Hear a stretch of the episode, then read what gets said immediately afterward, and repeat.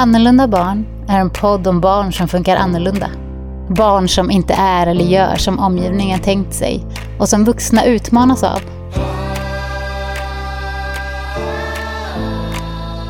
Den här podden är för dig som träffar de här barnen. Kanske är det dina egna, kanske är det andras. Oavsett så finns det sätt att tänka på och saker som kan vara bra att veta eller påminna sig om som gör både din egen och barnens tid här på jorden lite enklare att hantera.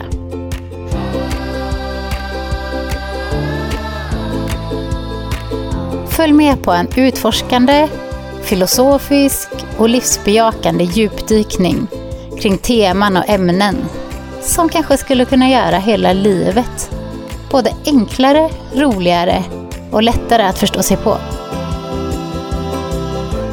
Välkommen till Annorlunda barn.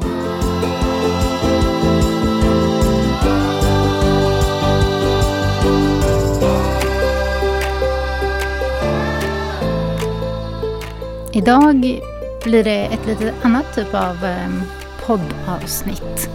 Jag har inte skrivit någonting.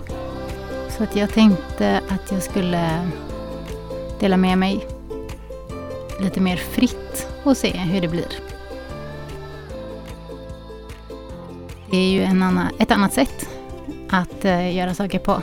Men det jag ville prata om var tillit. Och på något sätt så tänker jag att göra det på det här sättet kanske också säger någonting om tillit. Um, som jag ser tillit så är det liksom, man kan ha tillit på flera olika nivåer. Men um, min största tillit och det som jag känner att jag har mest nytta av är just tilliten att, till att se att allt är som det ska på något sätt. Att eh, det blir som det ska. Och då tänker jag att då blir det nog så med det här avsnittet också. Um, jag var precis iväg här för några timmar sedan och tittade på en film. Uh, vi hyrde biografen här i vår lilla by. Och vi såg filmen Raja och den sista draken. Eh, se den. Den är jättebra. Och den handlar just om eh, styrkan i tillit. Och att styrkan man kan ha, det här är ju min tolkning av filmen såklart, ni kanske har en, en helt annan. Men styrkan som man har kanske man inte ens ser. Och jag tycker att det är väldigt viktigt och eh, häftigt och spännande och intressant. Och jag tror ju verkligen på att vi har alla har någonting som vi är här för att bidra med och jag är så himla nyfiken på vad det kan vara i varje person. Och när man ser det där liksom glimta till så är det så himla häftigt. Jag har säkert pratat om det tidigare när jag har vissa kompisar eller människor i min närhet eller människor som jag ser överhuvudtaget runt omkring mig på långt eller nära håll som liksom gör det där som de brinner för eller älskar. Det blir liksom ett sken omkring dem när de gör det. Och jag vet att det finns hos alla. Och det är väl det som gör att det blir lite sorgligt på något sätt när det känns som att vi liksom uppfostras bort ifrån den där eh, kraften. Eller den där egenskapen eller den där... Eller ens tron på att vi faktiskt har någonting unikt som är värdefullt och som vi är här för att dela. Det som jag också tänker på med tillit, det är just, vi hade ett litet samtal efteråt eh, kring magi just eh, kommentaren och reflektionen som jag har haft efteråt kring att så här, men det är lite för lite magi i världen. Det kan jag ju hålla med om på sätt och vis. Att vi liksom missar det och på något sätt så tror jag att det också är någonting som jag kanske har berört i tidigare avsnitt, fast inte kanske benämnt det med just ordet magi, men jag upplever ju att magi uppstår när man är närvarande. Och eh, så tänker jag just på det här med liksom att ja, men det kanske är lite för lite magi i världen. Eller så är det så att vi helt enkelt har för bråttom så vi ser den inte. För jag upplever ju faktiskt i mitt liv väldigt mycket magi. Jag kan uppleva magi i naturen såklart. I liksom ljuset eller solnedgången eller träden som år efter år kommer med nya löv. Hur det kan växa upp någonting ur ett nästan osynligt litet frö. Men också i, i mötet med andra människor så kan det verkligen liksom glimma. Speciellt med barn. För mig då. Eh, och jag tänker att om nu det är så att vi inte ser magi i världen, är det verkligen så att den inte finns eller är det så att vi har glömt bort hur man ser den? På något sätt så tror jag på det senaste. Min erfarenhet är att det finns magi. Och nästa liksom del i samtalet, det blev eh, alltså just det här, för jag tror många kan uppleva magi kanske i naturen eller att man känner det liksom när man är vid havet eller vad man nu, vad man nu gör. Men just det här att magin i de mellanmänskliga mötena, det upplever jag ju också. Jag upplever ju det, men det betyder ju inte att de andra som är i det mötet upplever magi. För att magi är inte en utifrån och in-upplevelse, utan en inifrån och utupplevelse. Och det har jag väl också sagt många gånger att hela livet på något sätt är en inifrån och ut upplevelse snarare än utifrån och in. Och det är väl där som jag tänker att det stora missförståndet ofta sker. Det ser ut som att det är där ute det händer saker, men egentligen är det jag som ser och tolkar och därigenom på något sätt förstår min värld och skapar den med min förståelse. Så magi kanske inte uppstår på utsidan, den kanske uppstår på insidan och visar sig i spegeln som är utsidan. Eh, jag tänker att det är samma sak med tillit. För ofta så begär vi av andra, till exempel barn, att de ska ha tillit till oss. Men kan man begära det egentligen? Att någon annan ska ha tillit eller måste jag ge bort den först? Jag tänker på det till exempel i ett samtal som jag hade med min dotter häromdagen. Hon har det jobbigt i förhållande till skolan just nu och känner sig jätteorolig att hon ska bli tvingad till saker. Och då pratar vi mycket om det. Att har du känt dig tvingad någon gång? Har, känner du att jag har tvingat dig till någonting någon gång? Så vill jag ju veta det. Och där får ju jag på något sätt ha tillit till att hennes upplevelse är sann. Istället för att gå in i ett försvar och säga att men det har jag ju aldrig gjort. För min intention har ju aldrig varit att tvinga. Men jag tänker att vuxna, alltså den här, det här förhållningssättet mellan vuxna och barn som vi också varit inne på. Det går ju lite snabbt ibland. Och det är ju inte helt ovanligt att man kanske inte är tillräckligt tydlig eller inte informerar tillräckligt mycket eller inte liksom tar hänsyn till barnets perspektiv. Det kan ju bara handla om att ja, men jag hämtar er i skolan den här tiden och sen har jag i min värld tänkt att vi ska åka och handla på två olika ställen på vägen hem. Och i deras värld så ska vi bara hämta och åka direkt hem och där, redan där har ju jag kapat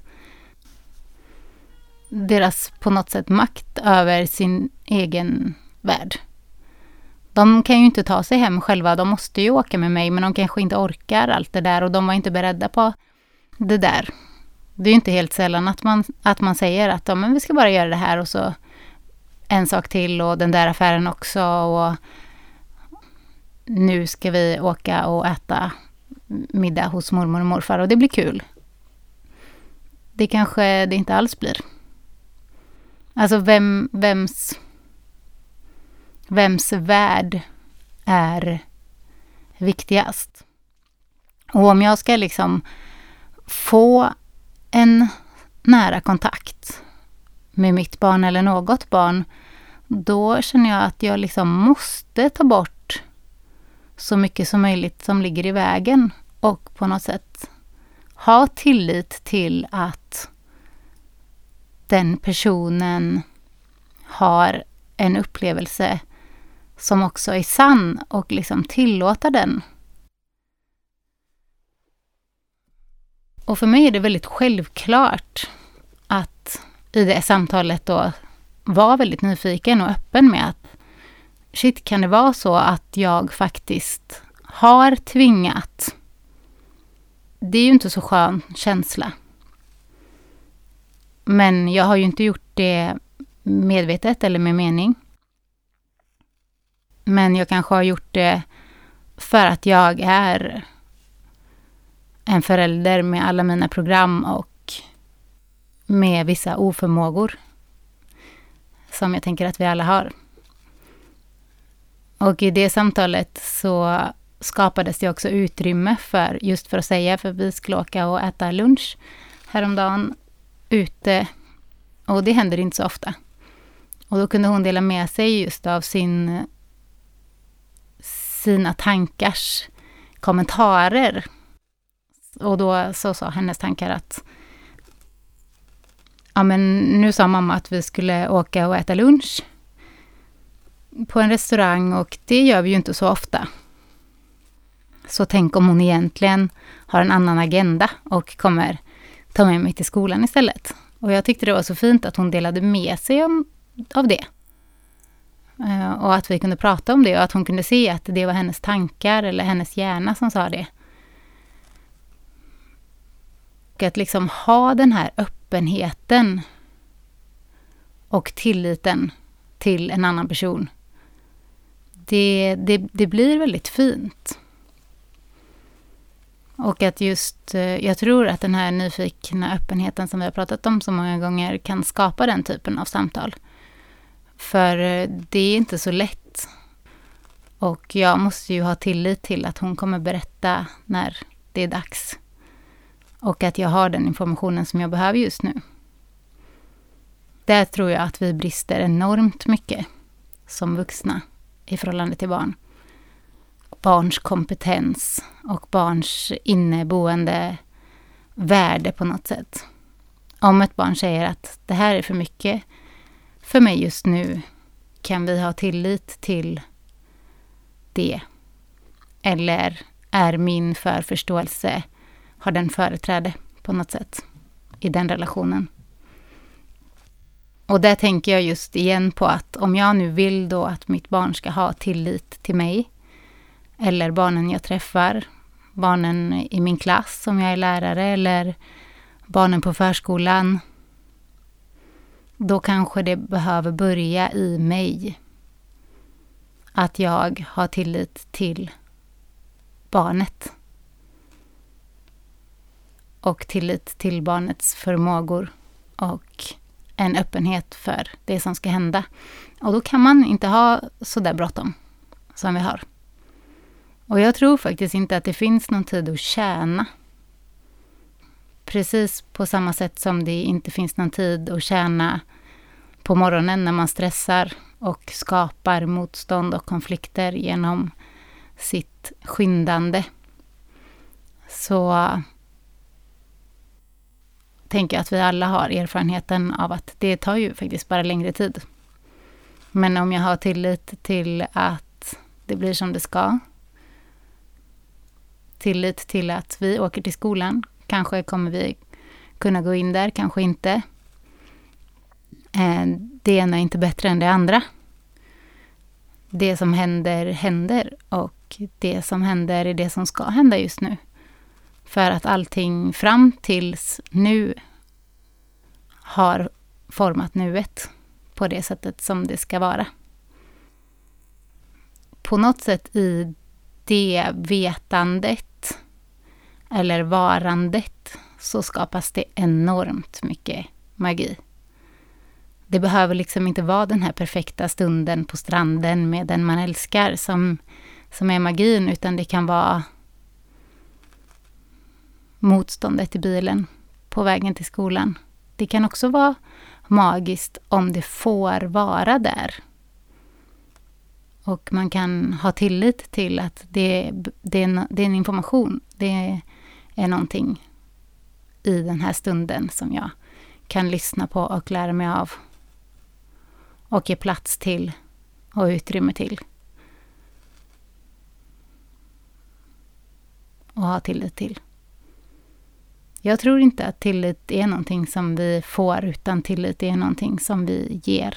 Och det mm, tyckte jag de beskrev väldigt fint i den här filmen som vi tittade på.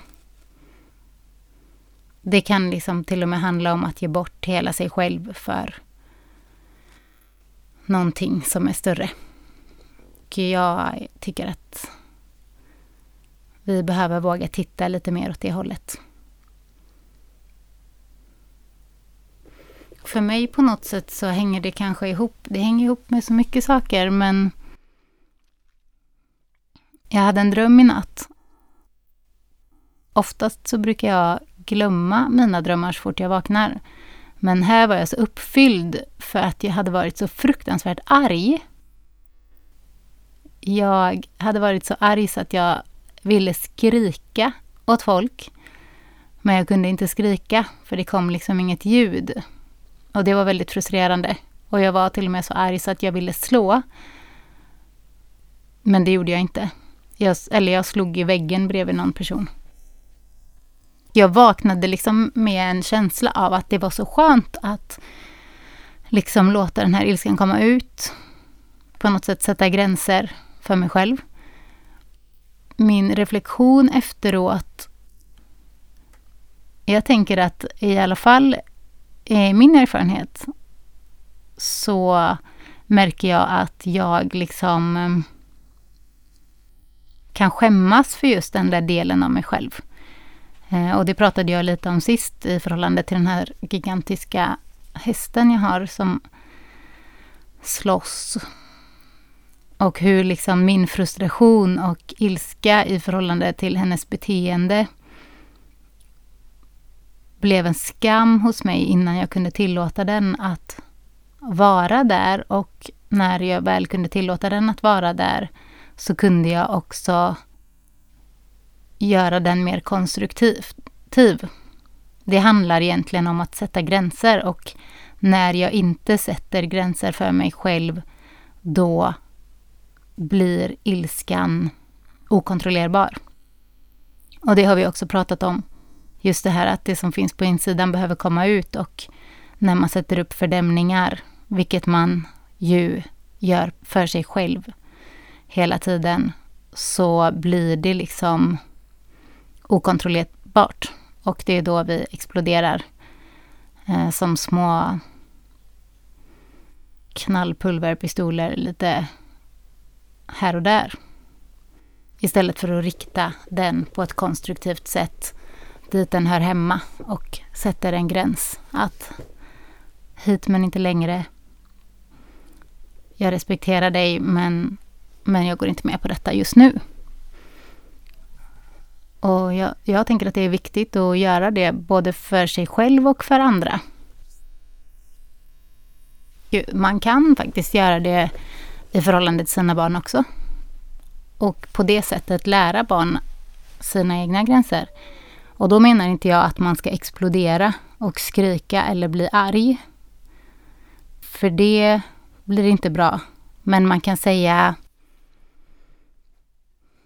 jag kommer till dig om tio minuter för jag behöver sitta kvar här och äta upp min mat. Och det är okej. Okay. Jag förstår att det är bråttom för det att, att jag kommer nu. Men jag kommer komma snart.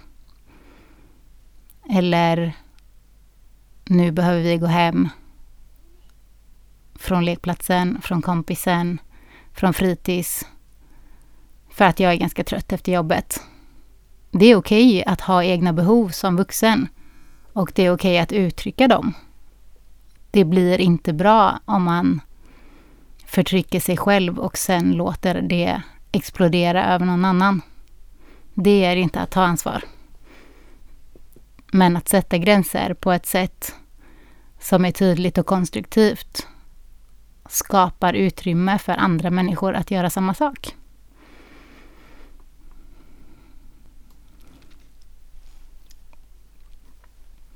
Och jag tycker att det är liksom spännande att se just den här dansen som blir emellan till exempel det där. Jag vill att mitt barn ska lära sig hälsosamma gränser. Men jag går över mina egna hela tiden. Jag pekar gärna på andra som går över mina gränser och skyller på dem. Men jag kanske inte tydliggör dem. Är det egentligen så att andra går över mina gränser eller är det jag som tillåter det?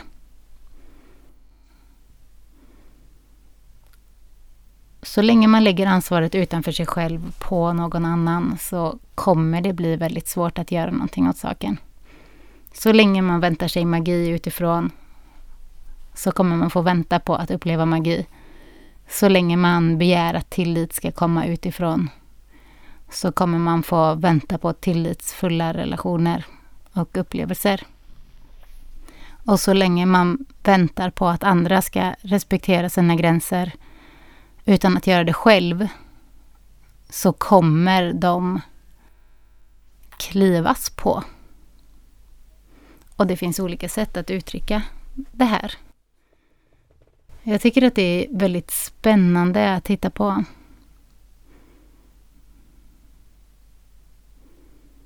Jag har också tänkt på just det här med gränser, förtroendefulla relationer och att peka på andra i förhållande till den här diskussionen som i alla fall har uppstått på min Facebook-vägg om Solviksskolan.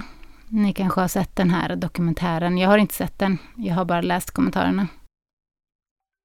Så med all respekt för att jag kan eh, ha missuppfattat någonting.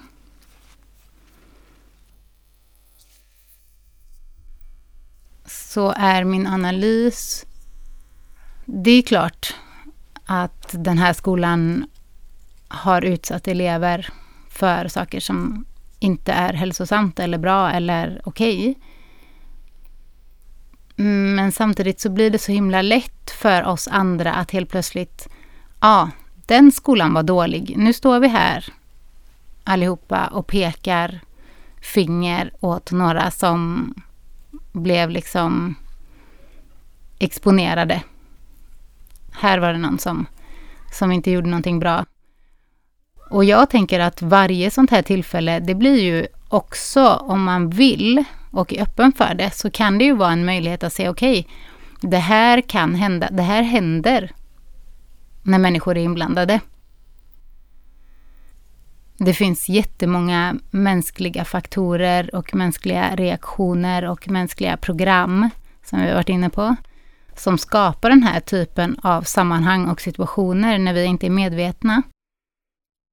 För mig blir det ju snarare en påminnelse om att se, okej, okay, men hur, hur är jag, Solviksskolan? På ett sätt så tänker jag att Solviksskolan finns kanske i alla skolor, på alla arbetsplatser, i alla sammanhang i någon grad. Finns det någonting här som jag kan lära mig av? Eller ska jag bara stå här bakom mitt hörn och peka på dem och säga kolla vad de är dåliga där borta. Och jag är bra. Om, om de är dåliga så kan jag känna mig bättre. Det är ju också en väldigt mänsklig reaktion eller ett mänskligt förhållningssätt som vi var inne på, jag tror det är någon av de första avsnitten, just det här att bra kan bara finnas om det också finns dåligt. Och dåligt kan bara finnas om det också finns bra. Så det Solviksskolan gör med många är ju att här exponerar vi någonting som vi har beskrivit som dåligt och det innebär att vi helt plötsligt blev lite bättre. Jag är inte så säker på att det är så. Jag tänker att den här typen av exponering måste bjuda in till en rannsakan av sig själv och sitt eget sammanhang. Annars kommer vi aldrig komma ur den typen av situationer. Det kommer fortsätta uppstå tills vi vågar vända blicken inåt, helt enkelt. Tills vi vågar vända blicken inåt och tills vi vågar prata. För det är väl någonting som jag också upplever att det finns en tystnadskultur. Det finns inte bara en tystnadskultur på Solviksskolan. Det finns en tystnadskultur på alla skolor. Antingen finns det en tystnadskultur eller så finns det en extrem omedvetenhet om vad det är som händer. Och som jag ser det så är alla de här barnen som inte klarar av det. Som på något sätt sätter en gräns som jag hoppas att vi kan respektera. Eh, kommunikatörer för att vi faktiskt behöver titta på vad det är som händer. Och jag hoppas att det är barnen som, att barnen ska slippa vara de som tar ansvar för det. Att det kan finnas fler vuxna som vågar säga någonting, som vågar lyfta samtalen, som vågar peka på det som händer och på hur vi fortfarande faktiskt i väldigt många sammanhang förtrycker barn genom att köra över deras personliga värde, deras eh, inneboende autentiska person, deras känslor, deras rädslor, deras osäkerhet, deras uttryck.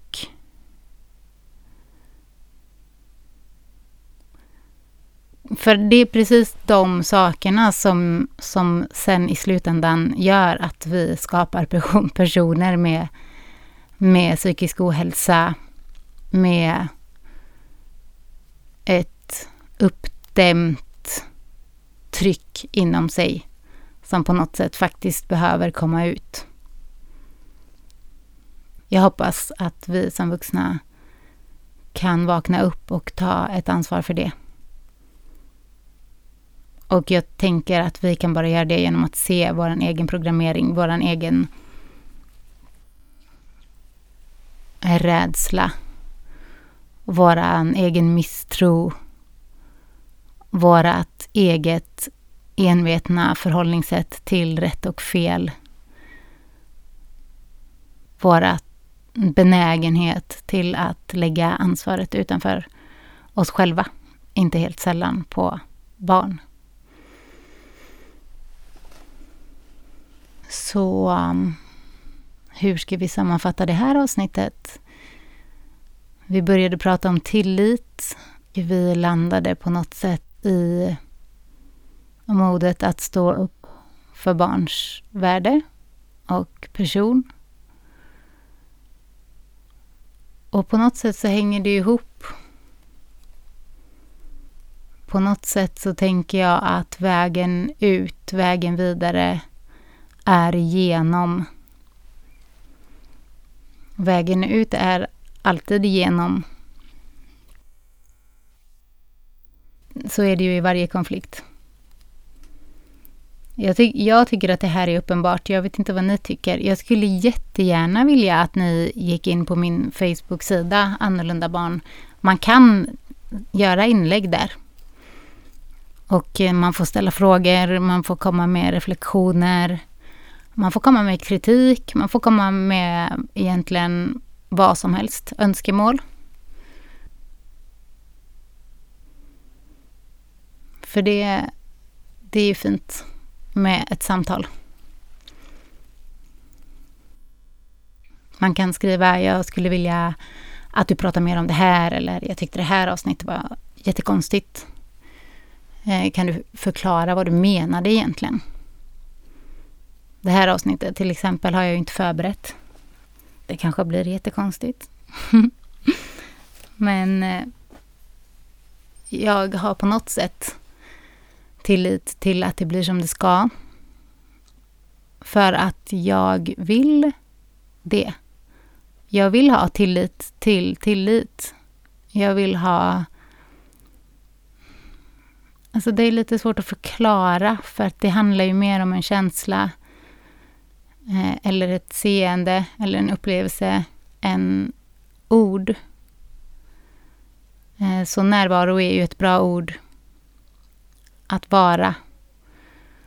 Att vara medvetenhet kan vara ett bra ord. Nyfikenhet är ett bra ord. Tillit är bra ord. Kärlek är ett bra ord. Men kärlek kan också bli missförstått. Som någonting som ska komma utifrån och inte inifrån. Och det tänker jag visar sig i många relationer, speciellt när de tar slut. Att, att man liksom hamnar i det här att beskylla någon annan för att vara källan till min upplevelse av kärlek leder till att jag också kan beskylla samma person för att ta den ifrån mig. Min upplevelse är att kärleken som jag upplever i mitt liv blev så mycket större när jag insåg att jag aldrig kunde få den ifrån någon annan. jag har i väldigt, väldigt, väldigt lång tid av mitt liv sökt den där andra personen som ska göra mig lycklig, som ska på något sätt finnas där för att jag ska uppleva den där kärleken som jag så länge har längtat efter, den där ovillkorliga kärleken som vi kanske också har varit inne på. Att vi söker i relationen till våran barn till exempel. det kan ju vara både hårt och fint att få det till sig att den kärleken kommer du aldrig få av någon annan. Du kommer inte få den av din partner. Du kommer inte få den av dina barn. Du kan bara ge den. Och genom att ge den så kommer du också uppleva den. Om en person talar om för mig att den älskar mig och jag inte upplever kärlek i förhållande till den personen, så upplever jag ju inte kärlek även om den gör det. Men om en person som jag upplever mig älska säger att den inte älskar mig, så kan jag ändå uppleva kärlek, men jag kan också uppleva sorg, besvikelse, förtvivlan. För att jag på något sätt tror att den måste liksom studsa tillbaka. Men så är det inte, utan jag kan uppleva kärlek. Och jag behöver inte få den tillbaka. Jag kan älska större utan kravet på att bli älskad igen. Och jag kan på något sätt älska alla och allt.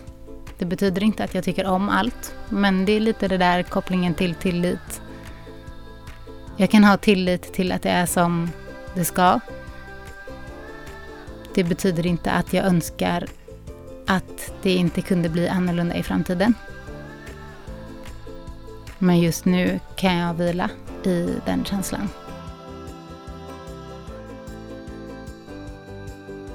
Inifrån och ut. Det kan bara komma inifrån och ut. Där någonstans kan vi mötas i kärlek och tillit. Kärlek får ju bli ett eget avsnitt kanske. Så uh, frågan på slutet. Vågar vi ha tillit? till våra barn?